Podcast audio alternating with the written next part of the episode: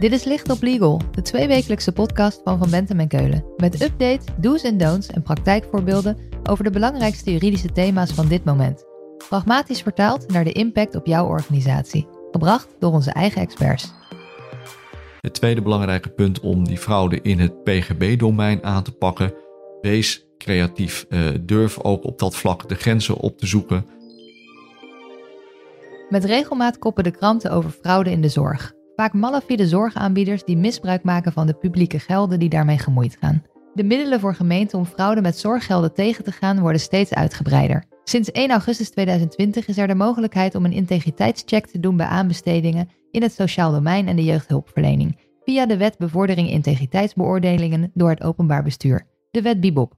Wat dat betekent voor het aanbestedingstraject, daarover praten we in deze licht op legal met Wouter Koelewijn. Hij stelt zich even voor. Ja, mijn naam is Wouter Koelewijn. Ik ben advocaatpartner bij Van Bentem en Keulen. En ik houd mij bezig met de vraagstukken op het terrein van de gezondheidszorg en het sociaal domein. En Wouter is daarnaast docent gezondheidsrecht aan de Universiteit van Amsterdam. Hij kan je dus als geen ander bijpraten over ontwikkelingen in de zorgsector. Wouter, die wet Bibop is er dus nu ook in de zorg. Maar wat was dat ook alweer? Die wet Bibop is al een relatief oude wet, die kennen we al. Die is ontstaan na de commissie van TRA, de jaren, midden jaren 90, de parlementaire onderzoekscommissie. En daaruit bleek dat er een vermenging tussen de boven- en de onderwereld was. Uh, en het, de wet Bibop is een reactie op die onderzoeksresultaten geweest. Um, en het doel van die wet is eigenlijk om te voorkomen dat um, criminele organisaties met vergunningen, met overheidsopdrachten, met overheidsmiddelen ja, criminele activiteiten zouden kunnen ontplooien. Dat, dat, misbruik, uh, dat daar misbruik van gemaakt wordt. En het Bibop-instrumentarium is uh, in het leven geroepen om dat te voorkomen. Dus om ervoor te zorgen dat de publieke gelden niet in de verkeerde zakken terechtkomen. En sinds 1 augustus vorig jaar geldt die wet dus ook in de zorg. Hoe zit dat? Ja, vanaf 1 augustus vorig jaar, dus 2020, is de rijkwijde van de wet Bibop uitgebreid. Aanvankelijk kon dat integriteitsonderzoek eh, vooral gedaan worden in de sectoren ICT, bouw en milieu. Maar sinds 1, januari, of eh, sinds 1 augustus moet ik zeggen, 2020 is dat uitgebreid. En geldt dat voor alle overheidsopdrachten. Uh, en daarmee zijn ook de overheidsopdrachten onder de maatschappelijke ondersteuning en de jeugdhulp onder de rijkwijde van die wet komen te vallen. Dat betekent eigenlijk dat uh, het integriteitsonderzoek ook gebruikt kan worden bij aanbestedingen in het sociale domein.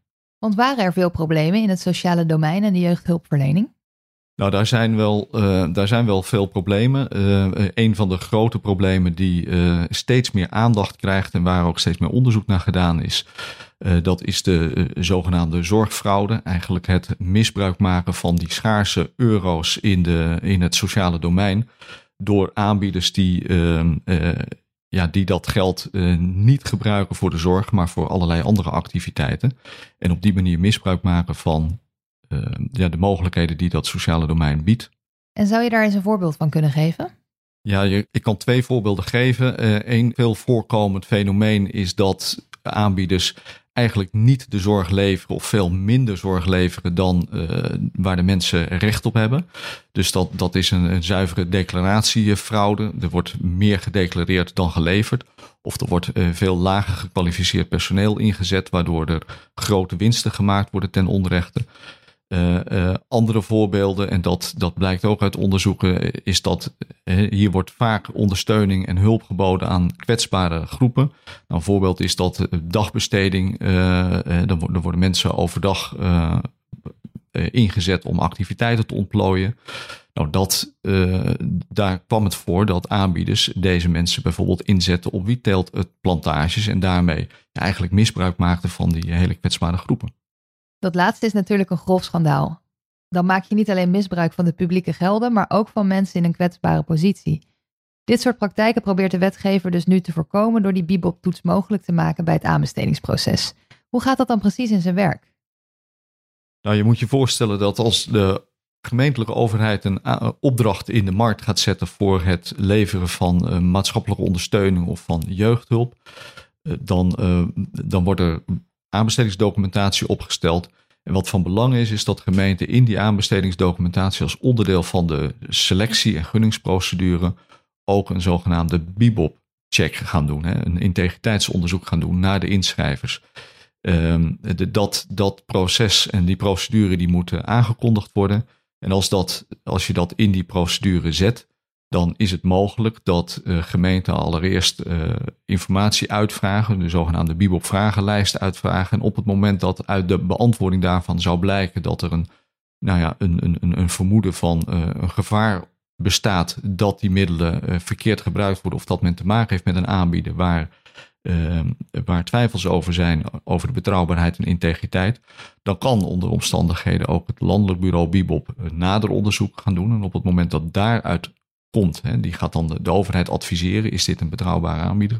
Op het moment dat daaruit zou komen dat dat niet het geval is, dan uh, heeft de gemeente de mogelijkheid om zo'n partij uit te sluiten van de aanbesteding. En dan uh, wordt daar gewoon niet mee gecontracteerd. Dus het is een uitsluitingsgrond. Je mag als partij, als er iets uit die toets komt, simpelweg niet meer meedoen. Je hebt het over onderzoek en vermoedens. Dat klinkt best wel vergaand. Het gaat dus niet alleen om bewezen strafrechtelijke veroordelingen. Nou ja, dat, is, uh, dat, dat, dat klopt. Hè? Uh, je hebt uh, zogenaamde harde uitsluitingsgronden. Dat op het moment dat een partij al veroordeeld is, dan, dan ga je er zonder meer uit. Het BIBOP-instrumentarium is eigenlijk een veel breder instrumentarium. Heeft ook een veel, veel grotere impact eigenlijk op de aanbieders. Um, en daarvoor zijn geen harde uh, overtredingen en, en, en onherroepelijke strafbare feiten hoeven bewezen te worden. Maar daar gaat het om het zogenaamde gevaarscriterium. Uh, dat is een breed onderzoek. en dat landelijk bureau Bibop raadpleegt ook veel bronnen in en om de betrokken partij heen. En op het moment dat uit die bronnenraadpleging blijkt dat er een gevaar ontstaat, een vermoeden ontstaat dat dit een partij is die onbetrouwbaar is of waar de integriteit niet deugt, dan is dat in principe voldoende om een uh, advies uit te brengen en niet met zo'n partij in zee te kunnen gaan. Ja, precies. En zo'n bibeltoets kan je dus niet op ieder willekeurig moment van de plank halen. Dat moet aan de voorkant bekend zijn. Ja, dat is uh, correct. Een van de belangrijkste principes in het aanbestedingsrecht is transparantie. Dus je moet van tevoren in je procedure aangeven dat je zo'n BIBOP-onderzoek gaat doen. Dat er ook een medewerkingsverplichting is voor die partijen. Dat die die vragenlijsten invullen. En dan, uh, ja, dan, dan ontstaat daar in feite het gelijke speelveld. Dat iedereen die die overheidsopdrachten wil gaan uitvoeren en dus daarop inschrijft, onderworpen kan worden aan zo'n BIBOP-onderzoek. Die Bibop-toets is een toets vooraf. Maar wat als het aanbestedingstraject is doorlopen en na een jaar of twee blijkt degene aan wie het vergund is toch een rotte appel te zijn? Ja, daar is, daar is een, een, een tweede oplossing voor denkbaar. Um, uh, de controle aan de voorkant is natuurlijk erg belangrijk. Maar het is uh, net zo belangrijk om gedurende de contractsperiode, en vaak gaat het om overheidsopdrachten over meerdere jaren, laten we zeggen twee tot vier jaar of vijf jaar, dat in de contracten die de overheid dan sluit met zo'n partij ook clausules worden opgenomen dat als gaande het contract zou blijken en er signalen ontstaan dat, er, uh, dat, dat de partij uh, niet integer of betrouwbaar handelt, dat er een medewerkingsverplichting contractueel wordt afgesproken aan alsnog een BIBOP-onderzoek uh, hangende de contractsperiode. Uh, en vervolgens moet je zo'n medewerkersverplichting ook uh, koppelen, contractueel gezien, aan eventuele ontbindingsclausules. Dat als er uh, hangende de duur van het contract zou blijken dat iemand alsnog onbetrouwbaar of daar integriteitsvraagstukken en twijfels reizen, dat je vervolgens ook op die grond het contract kan ontbinden. Om ook instrumenten te hebben hangende de uitvoering van de opdracht van een partij af te kunnen als overheid. Dus je moet het bibelproces onderdeel maken van het aanbestedingstraject. Maar je moet het eigenlijk ook meteen onderdeel maken van de contracten waarop ingeschreven wordt. En dat kan natuurlijk niet pas achteraf. Dat moet allemaal vooraf bekend zijn. Dat, dat moet je gelijk in de contracten die in de aanbestedingsprocedure gepubliceerd worden, moeten deze clausules opgenomen worden. We hebben het nu steeds over de route van de aanbesteding. Maar een andere veel voorkomende manier om zorg te financieren is via het persoonsgebonden budget, PGB. Hoe zit het daar? Ja, de aanbestedingsroute, dat is uh, één belangrijke route. Maar terecht dat je ook de aandacht vraagt voor die andere route. Want heel veel fraude binnen het uh, sociale domein vindt plaats uh, met zogenaamde persoonsgebonden budgetten. dat is de tak van bekostiging in het sociaal domein waarin geen rechtstreekse contractuele relaties liggen tussen de gemeentelijke overheden en de aanbieders. En op dat vlak is het voor gemeenten dus ook een stuk lastiger om daar controle op te houden en daar uh, controle op uit te oefenen.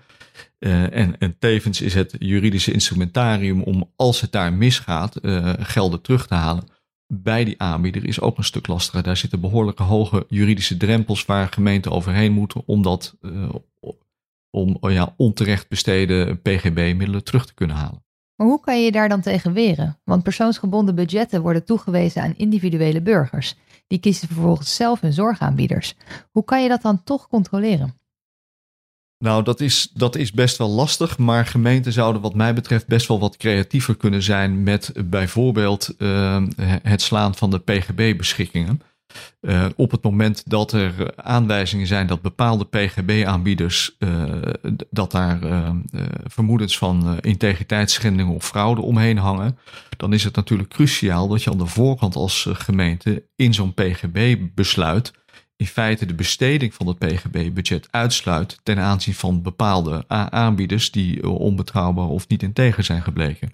En dat is een belangrijk instrument wat gemeenten nu al hebben om te voorkomen dat PGB-budgetten uh, in handen van de verkeerde personen en organisaties vallen. Dus dan zeg je tegen iemand die in aanmerking komt voor zo'n PGB: je mag het uitgeven, maar niet aan partij X, Y en Z. Exact, exact. Op die manier zou dat dan moeten werken. Maar ik kan me voorstellen dat het zo kan gaan dat partij XBV op zo'n lijst staat. En dat om dit te omzeilen een nieuwe BV, CBV, wordt opgericht. En dan proberen ze via die route het geld te ontfutselen bij mensen met een persoonsgebonden budget. Ja, en het blijkt natuurlijk dat in de praktijk uh, aanbieders die fraude willen plegen ontzettend creatief zijn en, en snel met nieuwe entiteiten en BV's eh, werken. Uh, je zou um, als gemeente daar ook nog op kunnen anticiperen. Maar dan, dan moet je toch wel wat creatiever gaan worden, ook in je PGB-beschikkingen, praktijken en je, en je beleid. Dat je zegt, ja, wij gaan toch beleid ontwikkelen waarin wij een, een, een lijst van uh, geaccrediteerde of uh, door ons geaccepteerde PGB-aanbieders gaan selecteren. Die hebben weliswaar geen rechtstreeks contract met de gemeente, maar dat zijn wel, is dat wel een positieve lijst van betrouwbare uh, gevonden PGB-aanbieders.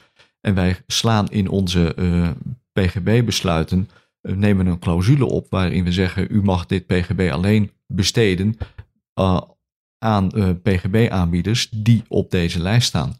Op die manier zou je het ook kunnen vormgeven. Dat is relatief nieuw, ehm, maar dat zijn wel ehm, oplossingsrichtingen waarin gemeenten denken om ja, meer grip te krijgen, ook in dat PGB-segment op frauderende aanbieders. Helder. Wouter, om af te sluiten, wat moet je als gemeente nou echt onthouden? Ja, twee dingen. Ehm, het eerste punt is dat als je nieuwe opdrachten in het sociaal domein gaat aanbesteden, of dat nou op het terrein van de WMO of op het terrein van de jeugdhulpverlening is, in beide gevallen uh, zorg dat je dat Bibop-instrumentarium inbouwt in je aanbestedingsproces. Dat is uh, een uh, eerste belangrijke punt. Het tweede belangrijke punt om die fraude in het PGB-domein aan te pakken. Wees creatief. Uh, durf ook op dat vlak de grenzen op te zoeken. Uh, om te voorkomen dat verkeerde partijen met de PGB-budgetten aan de haal gaan. En daarvoor geldt eigenlijk als belangrijkste ja, drive om dat te willen doen. Je moet je voorstellen, die PGB-aanbieders zijn ook creatief. Dus wees dat als gemeente ook. Wees net zo creatief in je bestrijding als de fraudeur in zijn fraude. Een mooie afsluiting. Wouter, als we meer willen weten, waar kunnen we dan terecht? Je kan mij altijd mailen op woutergoelewijn.vbk.nl. Eh, en op de website vind je ook mijn telefoonnummer. Dit was Licht op Legal, een podcast van Van Bentem en Keulen. Te beluisteren via Spotify, Apple Podcasts of je eigen favoriete podcast-app. Wil je meer weten? Heb je suggesties voor een onderwerp? Of wil je dat onze experts hun licht laten schijnen op jouw juridisch vraagstuk?